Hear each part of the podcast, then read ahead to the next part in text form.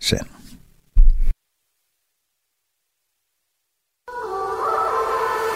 Radio 4 taler med Danmark. Velkommen til Mandat. Din vært er Pernille Rudbæk.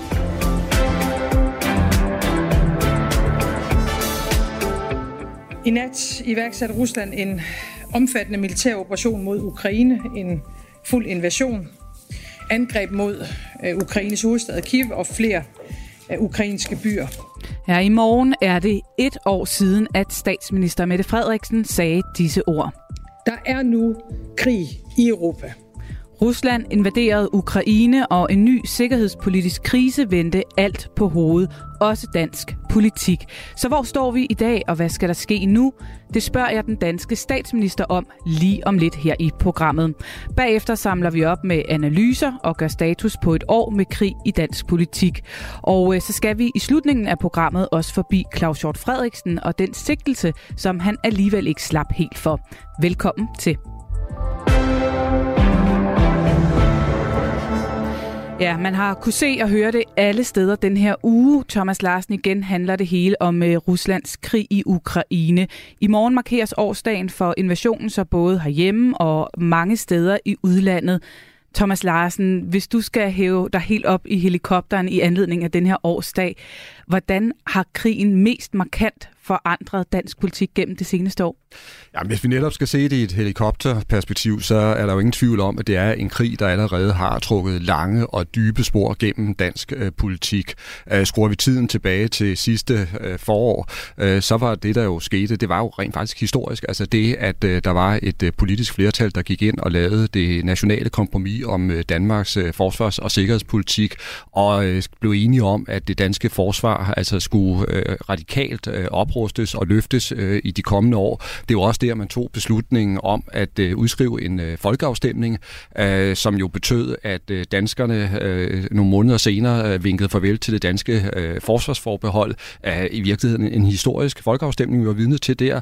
Og så mener jeg faktisk også, at man kan trække en direkte linje til den øh, flertalsregering, øh, man kan næsten kalde det samlingsregering, som vi har i dag i dansk øh, politik, fordi der skal vi jo huske på, at et af Mette Frederiksens bærende argumenter for at prøve at lave en regeringskonstruktion hen over midten, det var jo netop, at den skulle også være det mest robuste værn, kan man sige, for, for os og for Danmark øh, i en situation, hvor der var opstået så stor usikkerhed, og hvor der pludselig var kommet krig i Europa.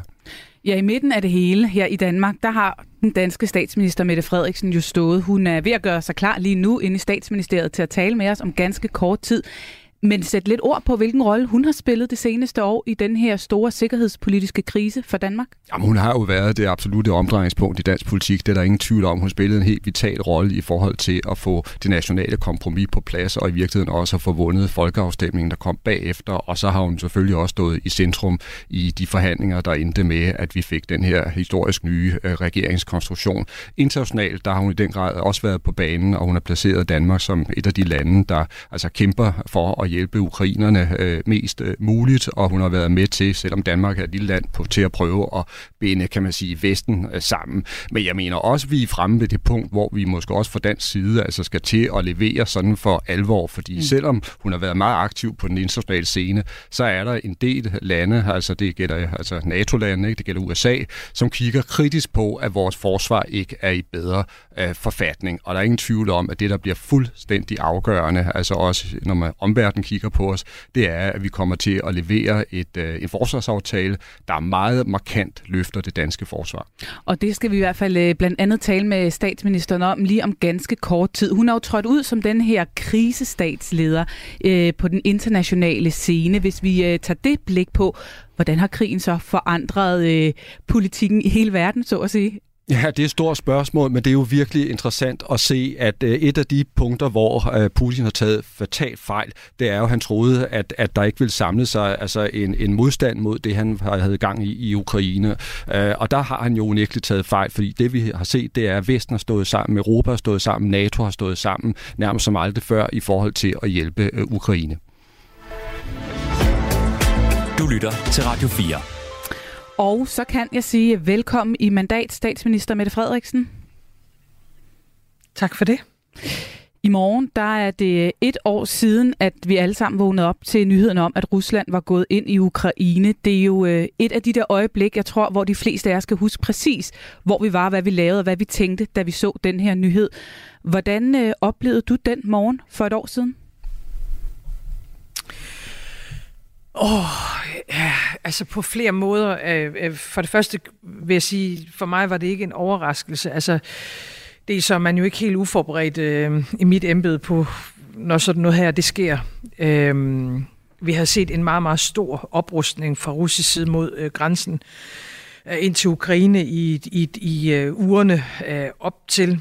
Men det er klart, at missilregnen øh, over de ukrainske byer vil jo øh, Øh, for evigt være et af de billeder, som øh, jeg i hvert fald ikke kan slette fra min egen, fra min egen hukommelse.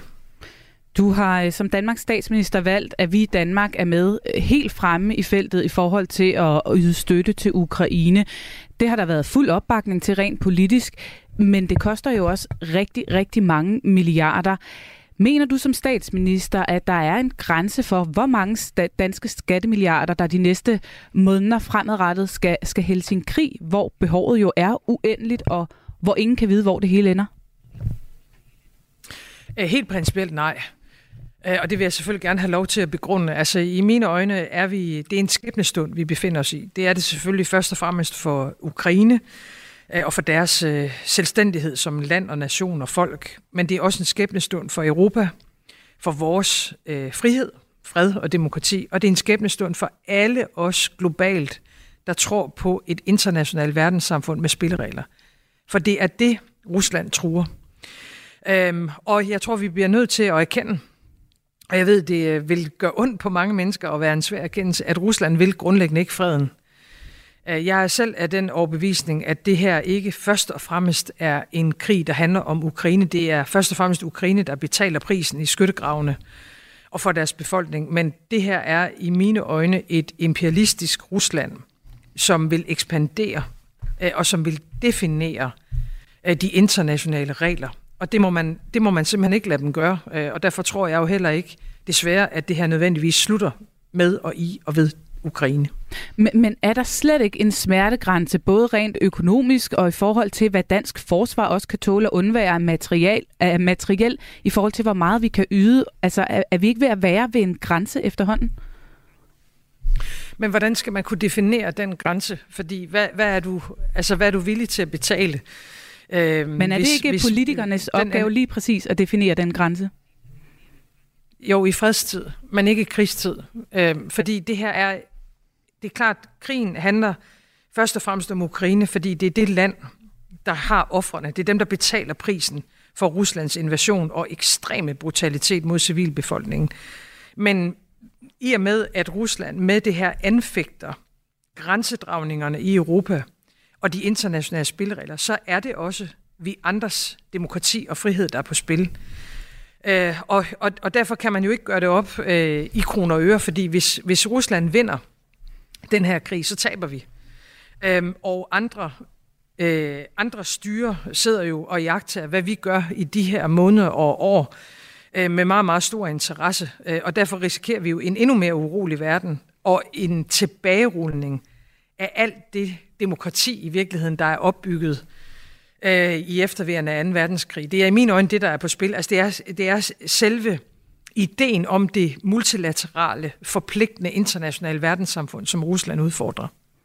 Men det er jo en krig, der har kostet allerede mange menneskeliv. Det har startet en økonomisk krise. Det har skabt stor nedgang i levestandarden for rigtig mange europæere. Lige nu er det svært at se, at der er udsigt til fred, eller at Rusland gør sig klar til at trække, fra, trække sig fra de landområder, øh, man er gået ind i.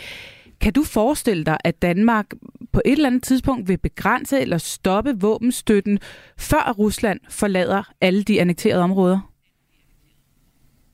Nej, jeg vil snarere sige det omvendt. Altså, jeg mener, at vi har behov for at hjælpe øh, Ukraine endnu mere øh, genopbygning øh, finansielt, øh, humanitært, men også med våben. Øh, og der er behov for, for stærkere våbensystemer. Det er jo derfor, vi lige har doneret hele vores øh, artilleri øh, til Ukraine, og det er derfor, vi øh, er i gang med at, at klargøre øh, øh, kampvognen. Øh, så Rusland har behov for mere. Øh, eller ikke, ikke Rusland, de har desværre, hvad de skal bruge. Ukraine har behov for mere.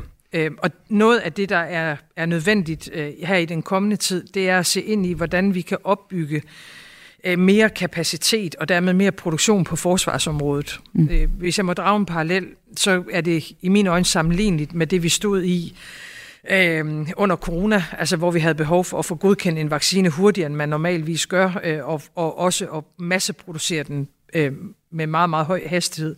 Det samme har vi faktisk behov for nu, hvad angår ammunition og andre øh, militære kapaciteter, både for at hjælpe ukrainerne bedst muligt, men også for at få opbygget egne lager, så vi selv har den nødvendige modstandskraft og forsvarsevne. Du har for få dage siden advaret om, at Rusland ikke vil stoppe ved Ukraine. Det er også noget af det, du siger nu. Øh, og at Moldova som eksempel kan være det næste land på listen. Hvilken dokumentation har vi egentlig for, at han har planer om at invadere flere lande, og hvad betyder det reelt for sikkerheden her i Danmark? Ja, altså jeg har selv lige været i øh, Moldova for kort tid siden sammen med øh, Jakob Ellemann Jensen og, og Lars Løkke Rasmussen.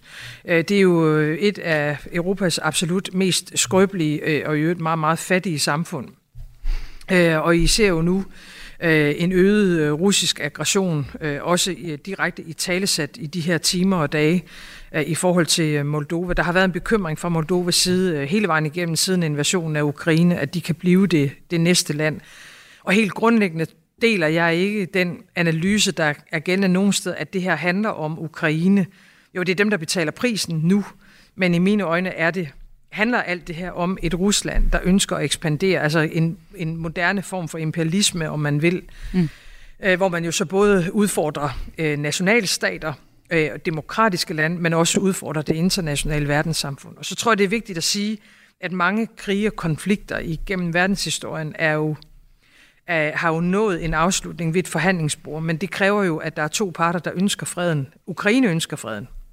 Der har ikke været en provokation. Der har ikke været noget angreb. Der har ikke været noget ønske fra Ukraines side om den her krig og konflikt. Det har der heller ikke været fra Europa eller fra vestens mm. side. Det er alene Rusland, der angriber, annekterer øh, og, og invaderer et andet land. Men Rusland øh, ønsker grundlæggende ikke fred øh, i Ukraine, og derfor er det jo en desværre øh, for nærværende tom illusion at tale om en forhandlet fredsløsning, når den ene part øh, ønsker at, øh, at, at, at, altså bære aggressionerne øh, og lade dem definere, øh, og lade, øh, altså, selv vil definere alting. It takes two to tango, og der er ikke to, der ønsker freden omkring Ukraine. Det er alene ukrainerne, der ønsker det. Men du siger det her, du øh, køber ikke øh, præmissen om, at det her handler om Ukraine. Det er Ukraine, der betaler prisen. Hvordan ved vi så, at svaret på den her krise er at blive ved med at poste flere penge i netop Ukraine? Øh, fordi Ukraine skal vinde den her krig. Øhm, altså den eneste måde, man kan etablere freden på i mine øjne, det er, at Ukraine vinder. Og Ukraine kan ikke vinde alene. Det er jo derfor, vi ser en amerikansk præsident gå i Kievs gader øh, forleden dag. Det er derfor, I ser et, som Thomas Larsen også lige øh, fik sagt, øh, et, øh, et mere forenet Vesten, transatlantisk, både med kanadierne og amerikanerne, øh, Øhm, og et, et, øh, et stærkere EU end, øh, end vel nærmest end nogensinde før. Det er jo fordi, vi alle sammen øh, er nået til samme, kan man sige, analyse øh, og, og konklusion, at øh, Ukraine skal vinde krigen, og at de ikke kan uden vi andres massive hjælp på, på stort set øh, alle parametre. Og så tror jeg også, det er vigtigt at sige, at Rusland spiller jo ikke kun en ødelæggende rolle i Ukraine, Øh, I ser jo også, øh, og vi ser en, en russisk involvering via Wagner Group i Sahelområdet øh, i, i Afrika med øget risiko for terrorisme og ustabilitet for nogle meget fattige befolkninger. Du ser et, et Rusland, der engagerer sig meget negativt øh, på Balkan, Øh, og du ser øh, jo påvirkningskampagner, fake news og cyberangreb fra, fra russisk side. Så det er, jo et, det er jo et aggressivt Rusland på en række parametre, som har fangearm ind i Europa på forskellige vis. Vi øh, har jo set Rusland begå krigsforbrydelser i den her øh, krig, men mistanken har jo også været rettet mod ukrainerne. Vi ved også, at Ukraine har været plaget af korruption. Øh, vi kommer med den her betingelsesløse støtte til Ukraine. Du beder som statsminister også alle danskerne om at bakke op og være med til, at, at vi skal give alle de her penge til at støtte op om Ukraine. Men gør vi i virkeligheden nok for at sikre os, at Ukraine også overholder spillereglerne her? Ja, det er i hvert fald vigtigt, at de gør det, øh, og man kan sige, at vi kan være fuldstændig sikre på, at Rusland ikke gør det. Altså det er, øh, det er meget, meget, meget øh, alvorlige forbrydelser, Rusland mm. står bag. Altså tortur, mor, voldtægt af kvinder, deportationer af børn, hører vi om nu. Meget, meget, meget voldsomme angreb på helt almindelige mennesker. Ukrainerne skal jo føre krigen øh, på de øh, spilleregler, der er for krigen.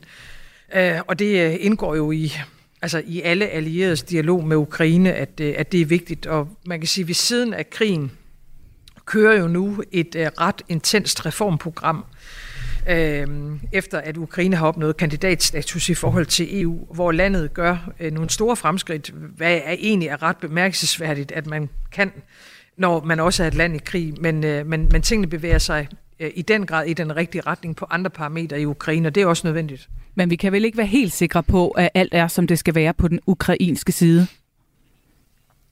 Nej, det kan man aldrig være øh, helt sikker på. Det, det, vi kan være sikre på, det er, at det er sværere at være soldat i krig, end det er at være radiovært. Og også end det er at være statsminister og sidde i Danmark. Øh, så krigsførelse er svært, men selvfølgelig skal vi have en forventning om, at ukrainerne lever op til de øh, internationale regler, der er.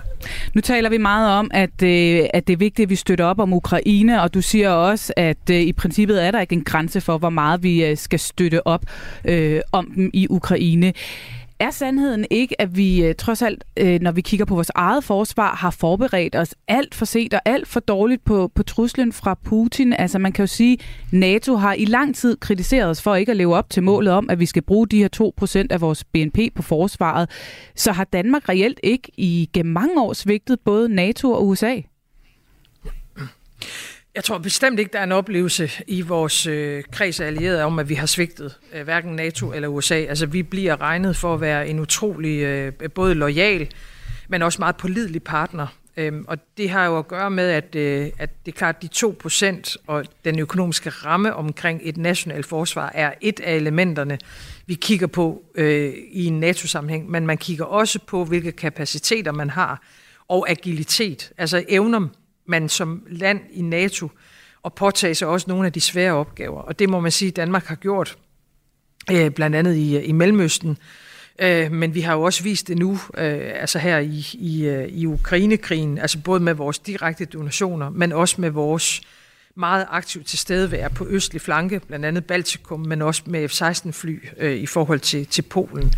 Så jeg hører kun øh, positive ord omkring øh, Danmarks rolle øh, i, i NATO-sammenhæng. Det er klart, der er et ønske om, at vi når op på de 2 procent, og det er jo øh, også i det lys, man skal se, at den nye regering har fremrykket tidspunktet for, hvornår vi lever op til det.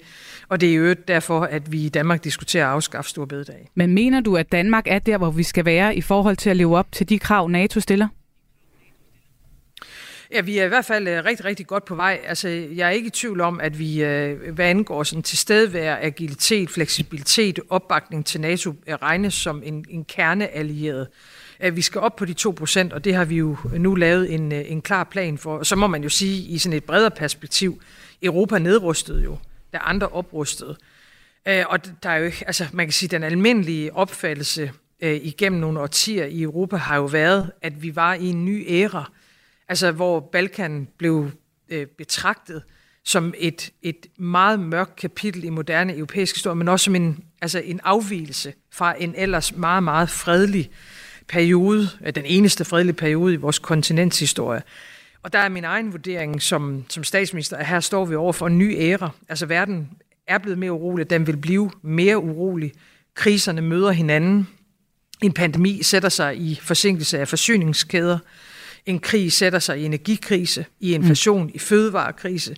Når der er fødevarekrise og energikrise, så vil der komme øh, yderligere pres på migration, hvad klimakrisen i øvrigt også presser på. Øh, og det vil sætte sig i øget instabilitet, både på det afrikanske kontinent, altså vores nærområde, men også i Europa.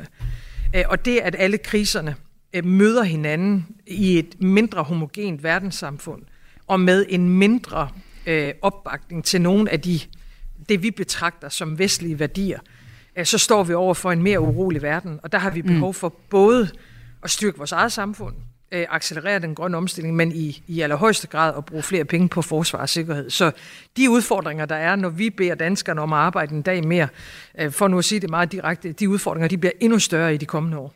Og lad os lige tage fat i det, I skal i gang med nu i forhold til at polstre Danmark til den nye sikkerhedssituation. I skal jo i gang med at forhandle det her forsvarsforlig. Men uanset hvor mange milliarder I nu bliver enige om, der skal afsættes, så har vi jo altså et, forslag, et forsvar, der er slidt totalt ned til sokkeholderne, og, og hvor der er lange udsigter til, at vi kan stille med det, som NATO forventer af os. Så hvad gør vi egentlig nu og her for at, at sikre vores egen sikkerhed? Øh, jamen altså igen må jeg lige anfægte præmissen lidt. Altså, øh, min oplevelse er entydigt, at vi bliver betragtet som et meget, meget vigtigt NATO-land, som leverer, når NATO har behov for det. Øh, og derfor vil man jo også se, at vores tilstedeværelse på østlig flanke er blevet opprioriteret. Øh, så jeg er, ikke, jeg er ikke helt enig i, i den analyse, der ligesom ligger til grund for dit spørgsmål. Men det er rigtigt, at vi er ikke på 2% endnu. Nu er der en politisk beslutning, og der er også en regering, der, øh, der er villig til, kan man sige, at sikre finansiering, så vi når derop op øh, hurtigere, end det, der har været aftalt eksempelvis i det nationale kompromis, som i praktisk bemærket var en utrolig god aftale øh, for Danmark på det tidspunkt, nemlig få uger efter krigen var, var i gang sat. Øhm, det er klart, at når vi taler kapaciteter, så har vi behov for at få bygget vores forsvar op, og det har vi jo oveni, at vi for eksempel har doneret hele vores artilleri øh, til Ukraine. Øhm, og det er også derfor, jeg, jeg tror, jeg sådan indledningsvis sagde, at vi har behov for et, et fokus blandt alle allierede på øget produktion. Altså vi har simpelthen behov for flere kapaciteter, både i krigen i Ukraine, men også for at fylde egne lager op, og dermed gøre vores egen modstandskraft større.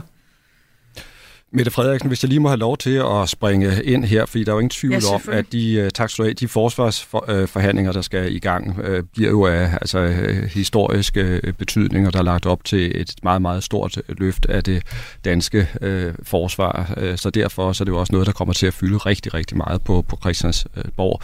Nu nævnte du undervejs her, Jakob Ellemann Jensen, og jeg kan simpelthen ikke lade være med at, at, at stille dig et enkelt øh, spørgsmål, fordi hele interviewet her, det handler jo om, at vi står midt i en meget, meget alvorlig tid med enorme trusler. Så derfor, altså hvor længe kan regeringen i virkeligheden undvære en forsvarsminister på fuld time?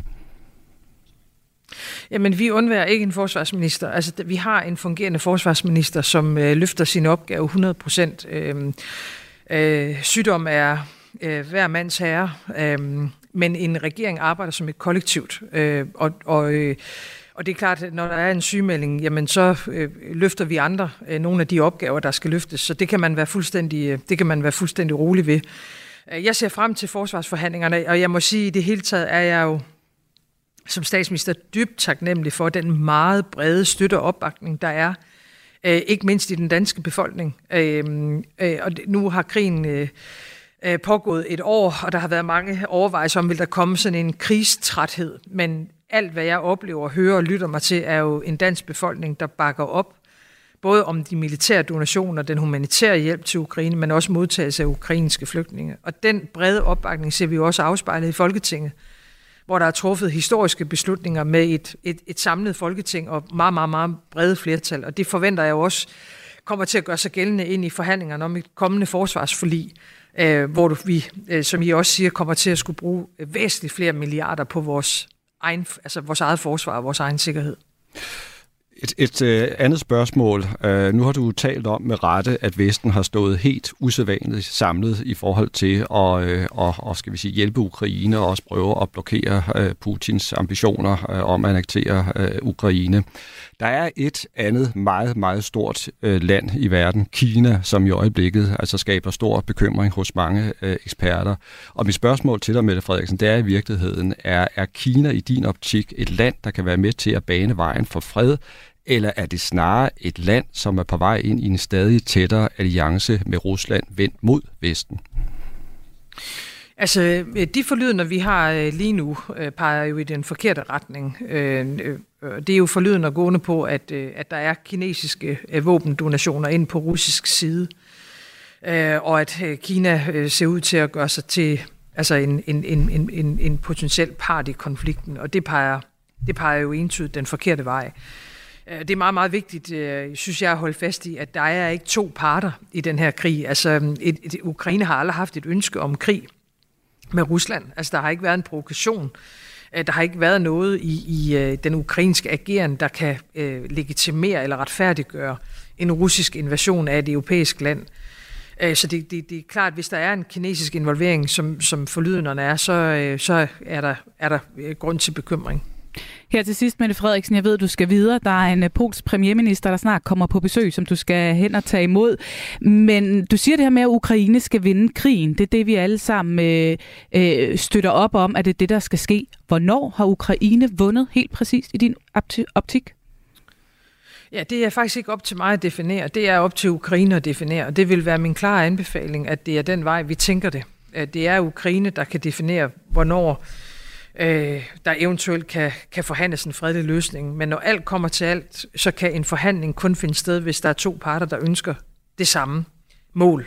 Og Rusland ønsker ikke freden. Øh, jeg ved, det er en, øh, en tung, svær erkendelse for os europæere, som er fredselskende i vores, altså i vores moderne måde at betragte verden. Vi har jo bestemt ikke været det historisk, desværre heller over for hinanden, men i, i moderne europæisk øh, udvikling, der står freden, friheden og demokratiet jo som selve grundessensen i det at være europæer. Og derfor har vi, tror jeg, meget svært ved at forstå, at vi har en stor nabo mod øst, som ønsker krig øh, og ikke ønsker freden. Men, men, øh, men, men Rusland skal flytte sig, Rusland skal bevæge sig øh, hen til at ville freden. Øh, og så øh, kan vi jo håbe på en, en forhandlet løsning på et tidspunkt, men det er Ukraine, der definerer, hvad Ukraine kan leve med. Det kan vi andre ikke for dem. Tak skal du have, statsminister Mette Frederiksen, fordi du var med her i Mandat. Det er mig, der takker. Du lytter til Mandat på Radio 4. Og øh, nu øh, skal vi vende lidt af det, vi hørte Mette Frederiksen øh, netop øh, fortælle os. Det er jo altså et år siden, at øh, Rusland gik ind og øh, ja, invaderet Ukraine, og øh, til at hjælpe os med at gøre status på det hele, har vi også fået besøg af dig, Peter Ernstved Rasmussen. Velkommen i studiet. Tak skal du have. Du er jo øh, som bekendt vært på Frontlinjen og redaktør på forsvarsmediet øh, Olfi. Du har også siddet og lyttet med på interviewet med Mette Frederiksen. Hvad vil du mærke i? Helt grundlæggende synes jeg, at det er enormt interessant at høre, hvordan en dansk statsminister i øvrigt med en meget, meget bred opbakning i Folketinget i dag talesætter en massiv trussel, der kommer fra øst. Og der siger, når vi ser tilbage på tiden efter 2. verdenskrig, hvor, hvor Danmark i den grad også var fodslæbende i forhold til NATO-samarbejdet, hvor vi hele tiden sagde, oh, vi skal ikke bruge for mange penge øh, på forsvar, fordi så provokerer vi Sovjetunionen, hvor en, en meget stor del af Folketinget var imod, at forsvaret skulle oprustes. Vi havde hele atomdebatten i 80'erne, om man kunne, øh, om amerikanske krigsskibe kunne have, have øh, atomvåben i Danmark, der er det jo en helt anden attitude, der bliver lagt for dagen nu. Og det er det også med den brede opbakning. Altså SF øh, bakker fuldstændigt op både om støtten til Ukraine og om den forestående oprustning. Men jeg må så også sige, at, at jeg øh, deler ikke statsministerens syn på det forsvar, vi har i dag, og hvor meget vi hjælper. For når man spørger NATO-kilder øh, for lukkede mikrofoner, så er der udbredt frustration over et ekstremt fodslæbende Danmark, som overhovedet ikke leverer det, vi lover. Vi køber afladet ved at nu give en masse donationer til Ukraine, og vi har givet afladet gennem nullerne og tierne ved at engagere os i nogle krige, hvor det har kostet menneskeliv, men vi har overhovedet ikke leveret det, vi skulle økonomisk eller materielt. Tror du ikke, at statsministeren ved det? Eller, øh... Jo, det tror jeg, men det er også meget tydeligt for mig, hun, øh, hun vil ikke acceptere den præmis. Hun, bliver, hun fortsætter narrativet om, at Danmark er kerneland i NATO, og at, at Danmark leverer, og at Danmark stepper op. Og der må jeg bare sige, det er ikke en opfattelse, som, øh, som jeg deler på baggrund af det, jeg hører fra kilder, der beskæftiger sig med forsvars- og sikkerhedspolitik. Thomas, øh, hvad med dig? Hvad, hvad blev du mest mærke til af det, som øh, statsministeren sagde her for kort tid siden? Jamen, jeg er et langt stykke hen ad vejen enig i øh, Peters øh, analyse. Altså det, det, jeg især øh, lægger mærke til at tage ned, øh, det er jo, øh, kan man sige, den fuldstændig altså uforbeholdende stærke støtte til Ukraine, som øh, statsministeren øh, kommer med. Man kan sige, hvis der var nogen, der ligesom kiggede efter øh, sprækker, måske, altså vil vi blive ved med at støtte Ukraine, kommer det ikke til at koste for mange penge osv., der må man sige, at det var altså en fuldstændig utvetydig melding, der kom fra statsministeren om, at vi skal blive ved, og det er altafgørende, at Ukraine Ukraine får den øh, nødvendige støtte fra Vesten og fra øh, Danmark. Og jeg synes faktisk også, at det var ret skældsættende, at hun sagde, at, at principielt det var det udtryk, hun brugte. Principielt er der ingen grænser for den støtte, vi skal give til, til landet. Og det forklarer hun jo med, at det ikke er Ukraine, der kæmper øh, altså for sig selv, kan man sige, alene, selvom det er alvorligt øh, nok. Altså hun ser simpelthen det her som reelt et opgør mellem Rusland og Vesten, og hvor hun ser øh, Rusland, som hun siger det, som altså en imperialistisk nation, øh, som, øh, som har tænkt sig at ekspandere, og Ukraine er, kan man sige, kun et, en brik i, i det øh, spil. Der var hun meget, meget klar i, i, i mail mailet øh, og, og brugte altså også altså virkelig øh, skarpe ord, synes jeg, for at gøre sin øh, stilling og sin position klar. Så er det klart, så kan man netop gå mere kritisk til, til statsministeren også, når det så handler om, altså hvor godt er vi så rustet herhjemme, hvor stærkt er vores øh, forsvar. Og der tror jeg altså, at, øh, at Peter i den grad har fat i en, i en pointe, der handler om, at, at vi har et forsvar, der er nødlidende, som er svækket, og som øh, har behov for det her øh, enorme boost, som der også er lagt op til, og som der skal forhandles forhandles om. Men man kan sige, øh, at, at det bliver så også et meget, meget afgørende forløb for, for statsministeren, fordi det er her, at hun for alvor, kan man sige, skal bestå testen. Det er her, hun skal øh, levere, altså hvis hun også skal kunne leve op til sine meget stærke ord. Peter øh, Ernst Rasmussen, nu når jeg har dig i studiet, vi øh, skal markere den her årsdag i morgen. Jeg kunne godt tænke mig at høre øh, din oplevelse af, hvordan krigen i Ukraine har forandret dansk politik især for en som dig, som jo hver dag beskæftiger sig med forsvarspolitik? Jamen, det har jo helt grundlæggende forandret dansk politik på den måde, at forsvarspolitik har aldrig været et prioriteret område. Det har aldrig været et ønske for en ny minister at blive forsvarsminister. Det har været et driftsministerium, hvor man bare skulle sørge for at implementere det forlig, der nu engang lå, og så skulle vi ellers øh, opfylde nogle krav, og så skulle vi bare have lidt hister her, som vi kunne vise, vi havde en gang imellem. Det er jo vendt fuldstændig på hovedet nu. Altså, forsvarspolitik fylder alt. Da Jakob Ellemann Jensen som formand for Venstre fik øh, rollen som visestatsminister, havde de fleste jo regnet med, at han ville vælge en økonomisk post. Han valgte at blive forsvarsminister netop fordi vi står og ser ind i det største forlig øh, siden 2. verdenskrig. Et 10-årigt forlig øh, taler vi om, og en, en styrkelse af forsvaret med op mod 20 milliarder om året. Vi bruger i forvejen 30 milliarder. Det er næsten en fordobling af, af forsvarsbudgettet. Øh, og, og det sætter sit præg på alt, hvad vi taler om. Altså energi. Øh, uanset hvad vi har talt om det sidste år, så har omdrejningspunktet været krigen i Ukraine, øh, og, og, og hvordan vi kommer videre herfra. Altså boligpriser, energikrise, klima, mm. alt drejer sig om krigen. Så på den måde er det bare blevet en ny norm, at forsvaret sætter dagsordenen i dansk politik. Jeg er lidt nysgerrig på det her med, at forsvarspolitikken lige pludselig jo bare er gået fra bunden af dagsordenen til den absolute top, der breder sig ud over det hele.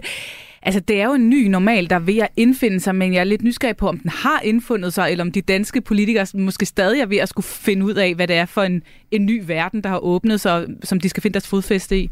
Altså, det er helt klart en ny verden, som de danske politikere skal til at øh, simpelthen forstå. Og jeg synes også, det er meget, meget symptomatisk, når man kigger på, hvordan vores nabolande har reageret på krigen i Ukraine. Altså Norge, Sverige, Finland, Estland, Letland, Litauen, Polen, Tyskland har alle sammen prompte reageret, hævet deres forsvarsbudgetter, investeret massivt, begynder at tale beredskabsplaner, og i Danmark et år inde i krigen er vi end ingen vi er ikke i gang med forhandlingerne om et forlig. Vi ved ikke engang, hvem der skal sidde med ved forhandlingsbordet.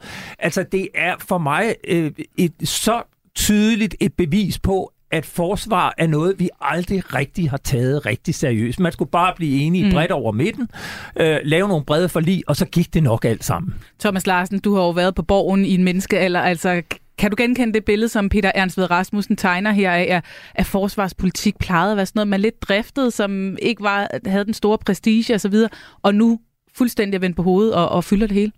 Ja, altså det har, gået, det har gået op og ned, og det tror jeg også, altså Peter vil, vil sige, fordi det er klart, vi havde også de øh, år, hvor der jo så skete et, øh, et historisk omskift i, øh, i Danmarks altså, altså forsvars- og sikkerhedspolitik, altså i de år, hvor vi rent faktisk deltog i operationer øh, ude i verden, øh, Irak, Afghanistan og, og, og så videre, altså hvor, hvor det jo også fyldte kolossalt meget, fordi danske øh, soldater jo pludselig blev sendt i regulær krig og deltog i øh, skarpe øh, aktioner ude i verden, øh, og også med betydelige, øh, skal vi sige, øh, tab øh, til følge, altså både i, i kraft af, af døde soldater og sårede soldater.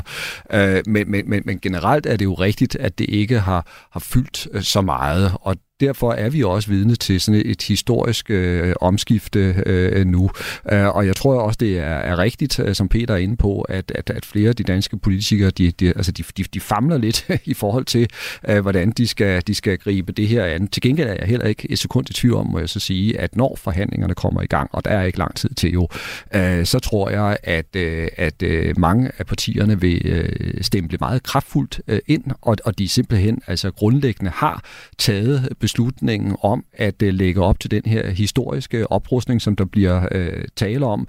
Og jeg tror faktisk også, Peter, men det kunne jeg være spændende at høre din vurdering af, at, at nogle af dem er klar over, at der måske endda skal lægges mere oveni. Altså simpelthen fordi øh, trusselsbilledet er mm. så markant øh, forandret, som det er i dag. Det, det, jeg var fuldstændig enig, og, og det har i øvrigt både Mette Frederiksen og også øh, Jakob Ellemann Jensen øh, jo tidligere sagt, at, øh, at 2% er ikke et loft. Altså, det er en ny bund, og, og der er jo mange, der taler om, at på det NATO-topmøde, der kommer i Vilnius her i, i juli måned, at det formentlig øh, og i hvert fald ikke er utænkeligt, at det nye loft, eller den nye bund kommer til at hedde 2,5 procent. Altså, det er jo svimlende beløb, når man tænker på, hvor vi kommer fra. Med hensyn til det med krigen i Irak og Afghanistan, har du fuldstændig ret. Det, jeg også bare synes, det er vigtigt at nævne her, det er jo, at det var en måde for Danmark, at vi kunne købe aflad hos USA, for netop ikke at bruge de penge, vi skulle på forsvar. I 2004 lagde vi forsvaret om fra et territorial- og mobiliseringsforsvar til netop at kunne rykke ud i de her her øh, krige langt fra Danmark. Og det var jo en gigantisk spareøvelse i virkeligheden, fordi det er dyrt at have et mobiliserings- og territorialforsvar, og ved at lægge det om og bare have nogle små enheder, der kunne rykke ud, så kunne vi tilfredsstille USA og vores allierede var rationalet. Og så viser det sig bare, når truslen pludselig så vender tilbage mod vores eget territorium, jamen så har vi et fuldstændig utilstrækkeligt forsvar, som i virkeligheden kommer fuldstændig til kort. Hvis vi øh, lige skal nå også at kigge frem her til sidst, så er der jo det her kæmpe store forsvarsforlig, som øh, ligger og venter, øh, men hvor den fungerende forsvarsminister, Troels Lund Poulsen, jo i sidste uge valgte at udskyde forhandlingerne, til der kommer bedre styr på økonomien. Og i går, der sagde han sådan her om, hvornår der så lander et forlig. Ja, det bestemmer jeg desværre ikke selv, for jeg har ikke 90 mandater på den måde i ryggen. Ja, regeringen er en fæstersregering, men vi vil have en bred forsvarsaftale. Så nu griber vi det an på den måde, at vi præsenterer nu et økonomisk overblik over forsvarsøkonomi her i løbet af april måned, og så er det meningen, at vi starter op på forsvarsforhandlingerne derefter. Det er jo min ambition, at vi forhåbentlig kan være færdige inden topmødet i Vilnius, men det afhænger jo af, hvordan partierne øh, går til opgaven. Peter Ansved Rasmussen, ligger alle svarene på alle vores bekymringer og spørgsmål og venter i det der forsvarsforlig, eller hvad er der på spil her?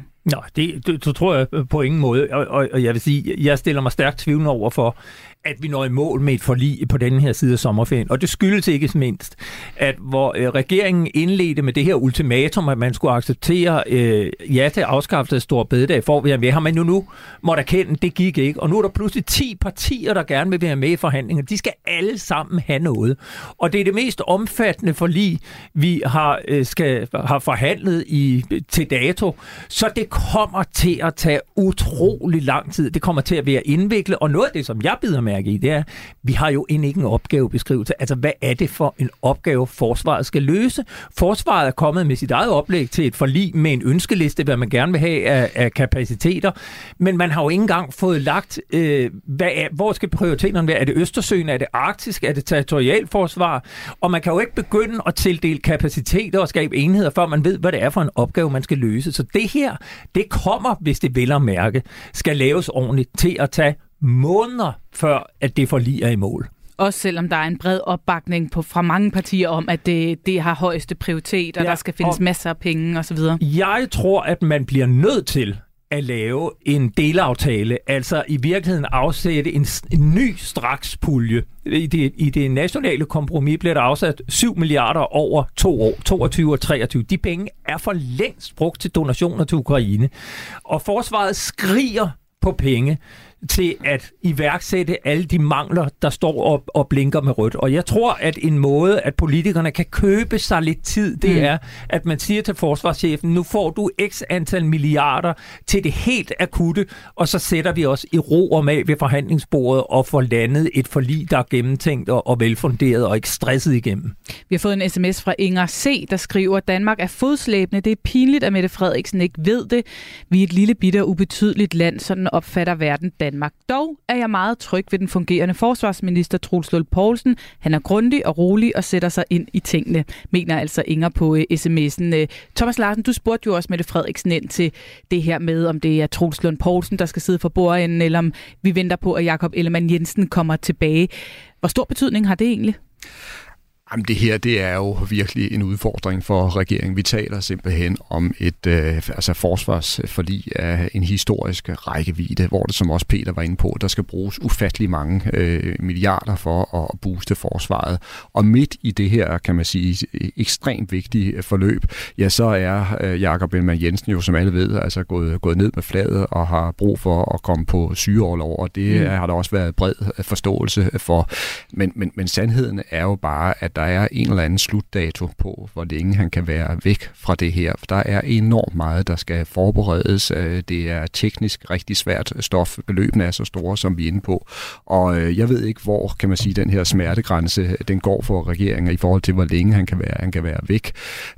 Men, men, men, men det, er, det er noget, der presser regeringen. Her og nu er der ingen tvivl om, at Truslund Poulsen, han er noget nær den perfekte mand at sætte ind, simpelthen fordi han er en så dreven politiker, som han er lynhurtigt til at sætte sig ind i tingene, og han kender altså de øvrige aktører på Christiansborg, så han kan forberede rigtig meget, men på et eller andet tidspunkt, så skal de jo ligesom træffe mm. afgørelsen, hvem skal forhandle det her på plads, hvem skal sidde for bordenden.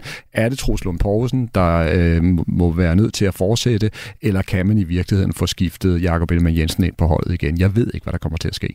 Og hvis man vil følge tæt med i øh, det her kommende forsvarsforlig og de forhandlinger, der kommer til at være omkring det, så øh, skal man jo altså huske at følge med i øh, frontlinjen, Peter Ernst ved Rasmussen. Det er jeg sikker på, at I kommer til at, at følge ganske tæt. Der ligger allerede en udsendelse fra i går som podcast, hvor I også jo gør status på et år med krig.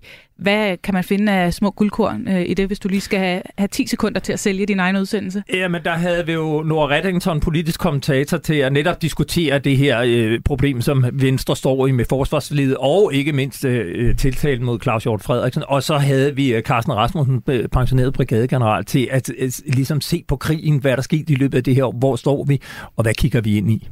Det er bare ind at finde den i øh, Radio 4's app, eller hvor man øh, ellers finder sin øh, podcast. Tak for besøget, Peter Ernst Rasmussen. Tak selv. Du lytter til Radio 4. Her til sidst, så skal vi altså også nå at runde en anden stor historie fra den politiske uge, der startede med den her Facebook-opdatering kl. 15 tirsdag eftermiddag. Jeg har her for en halv, time, en halv time siden taget afsked med betjente fra PET, der forviste mig et anklageskrift om overtrædelse af straffelovens paragraf 109 om røbelse eller videregivelse af statshemmeligheder. Ordene de er selvfølgelig øh, tastet ind af Venstre KFA Claus Hjort Frederiksen, der altså alligevel ikke slipper for en tiltale for at have røbet statshemmeligheder, og øh, heller ikke slipper for en tur i retten dermed. Øh, velkommen, Jakob Bro. Tak for det tidligere rådgiver i netop Venstre, og en, som kender Claus Hjort Frederiksen indgående fra din tid der. Prøv lige først at sætte nogle ord på, hvilken betydning Claus Hjort Frederiksen egentlig har i Venstre. Jamen, Claus Hjort har jo været øh, ryggraden i det moderne Venstre. Altså, han blev partisekretær engang i midt-80'erne, tror jeg, og har brugt hele sit voksne liv i partiet. Øh, været med til at udvikle det fra at være et perifært blot parti til at være den alt dominerende blå magtfaktor i Danmark i, øh, i det her årtusind. Og det har Claus øh, haft en helt afgørende hovedrolle i. Så han er enormt central. Han er måske i virkeligheden den, der ikke har været formand i Venstre, som har været den mest centrale overhovedet. Og nu står hans eget parti så i en regering, som gennem Justitsministeriet nu altså øh, har givet grønt lys til, at der kan rejses tiltale mod øh, Claus Hjort Frederiksen. En anden, der i den regering kender Claus Hjort Frederiksen særdeles godt, det er ham, vi også hørt fra lige før, nemlig Troels Lund Poulsen, som øh, sagde sådan her til DR om, at der nu var rejst tiltale. Jamen, jeg kender øh, Claus gennem mange, mange år, og derfor er jeg, er ked af, øh, at Claus Hjort nu er blevet tiltalt. Men det er klart, at øh, det er ikke en sag, som, som jeg kan blande mig i. Det er jo en sag for, for anklagemyndigheden, og, og, og derfor kan jeg heller ikke for, forholde mig til sagen. Med dit kendskab, Jakob Brun, ind i øh, partiet Venstre, hvor ondt gør den her sigtelse så? Men jeg synes næsten, man kan høre det på Troels Lunds toneleje, at det er, det er noget, der gør ondt. Øh, det gør ondt på Claus Hjort, fordi jeg tror, det er så langt fra hans selvforståelse af, hvad han er. Altså han har om noget taget ansvar for Venstre, men også for Danmark, og været øh, borget det tæt på hjertet gennem hele sin politiske karriere. Og det går ondt i Venstre, fordi alle kan godt lide, og alle respekterer Claus Hjort. Så, så, så det gør utrolig ondt øh, for alle. Det er der slet ikke nogen tvivl om.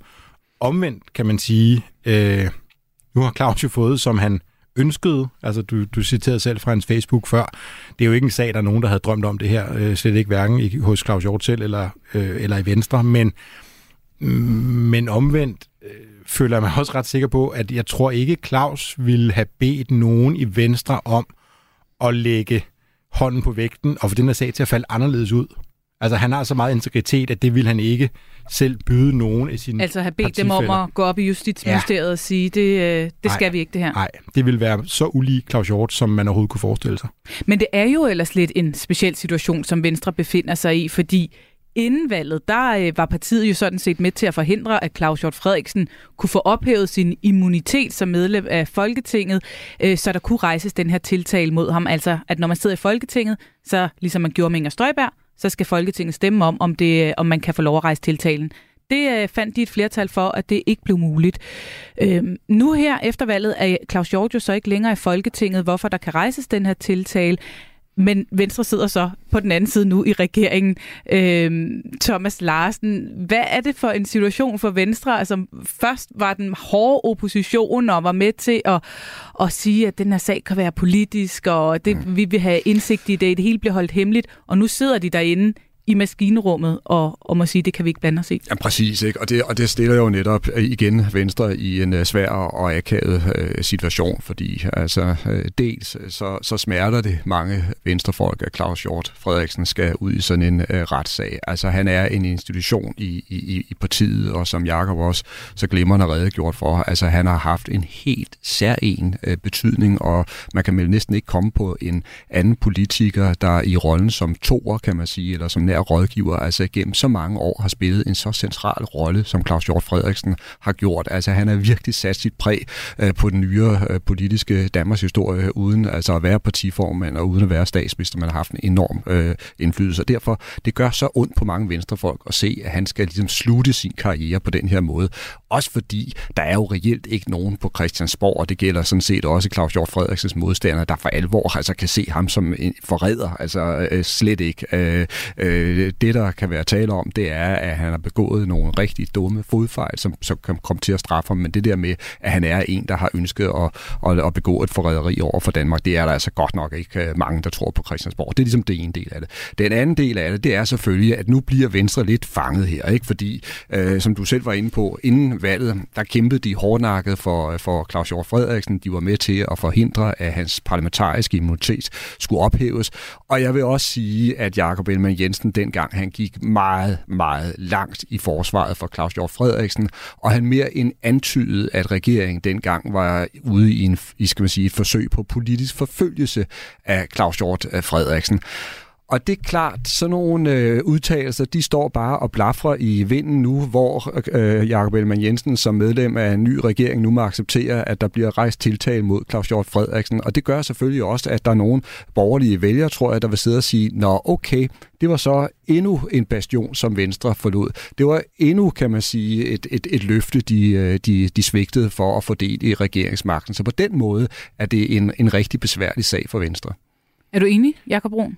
Ja, til dels. Jeg vil sige, jeg, jeg, jeg synes, det her det lægger sig som endnu et eksempel på sager, hvor Venstre nok op til og i forbindelse med folketingsvalget har skruet måske lige 5% for meget op for volumenknappen. Mm. Altså fordi jeg tror, at det Venstre sagde, nej, det Venstre skrev formelt de steder, hvor de skulle skrive, det var, jamen de kunne ikke få indsigt i anklagen, og derfor kunne de ikke ophæve en immunitet. Den, den er sådan set ren nok, men Thomas er fuldstændig ret i, at der var nogle steder, hvor både Jakob Ellemann som formand og andre i og omkring Venstre fik skruet altså øh, måske både 5 og 10 og 15 procent for højt op, så det blev øh, i virkeligheden nok for meget, set i bagklodskabens lys. Også fordi i Venstre må man jo også gøre sig den tanke, der hedder, hvis vores øh, myndigheder, hvis retssystemet, hvis anklagemyndigheden når frem til, at der er en sag, som bør rejses, er vi så i virkeligheden parat til at lægge øh, hånd på det. Det ene er, at man kan beskytte en folketingskollega, men hvis vi ikke længere man har den immunitet, er man så i virkeligheden parat til at sige, at vi sætter os ud over øh, det, at nogen potentielt har røbet statshemmeligheder. Mm.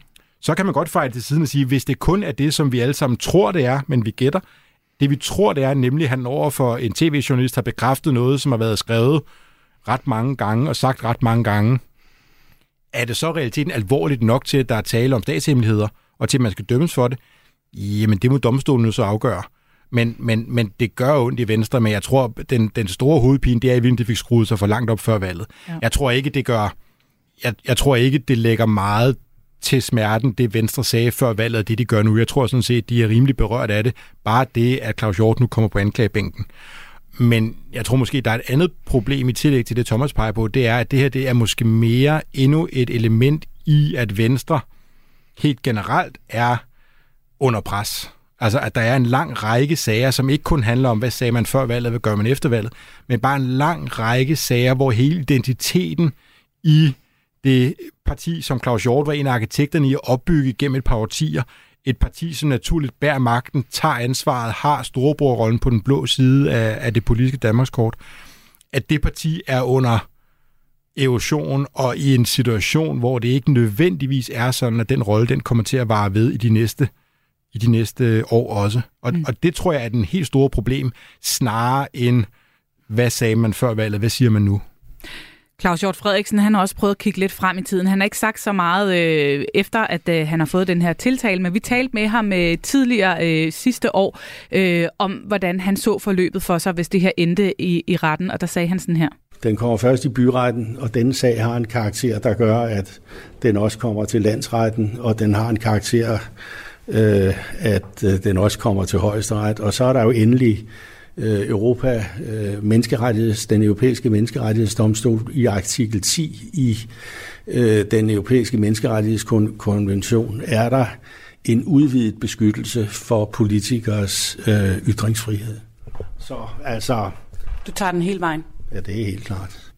Og det var altså et budskab, han også bekræftede i sit Facebook-opslag øh, i tirsdags, hvor han skrev, at han har kræfterne til at tage den hele vejen. Så et langt forløb, hvis man skal tro, Klaus, tro Claus Hjort Frederiksen, hvis det er den vej, han bliver nødt til at gå. Er det her noget, der kan komme til at, sådan at spøge kulissen for regeringen og Venstre øh, og, og blive et problem? Det, det tror jeg faktisk ikke på den lange bane. Altså, jeg, jeg tror, det her, det er, det er i værste fald, er det endnu et søm i ligekisten. Øh, det er jo worst case scenario for Venstre på en eller anden måde, men jeg tror ikke, at den her sag isoleret kommer til at fylde så meget, men men, men der er jo ikke et eneste menneske på Christiansborg. Han, han er jo en meget vældigt kollega, også for dem, som er politisk uenige med ham, øh, Claus Hjort Frederiksen. Der er jo ikke et eneste menneske på Christiansborg, der ønsker for en kollega, og slet ikke for en kollega som Claus Hjort, at det otium, som alle synes er ham enormt vel ondt, at det skal blive fyldt med det her. Det er virkelig ikke øh, det, nogen havde håbet på.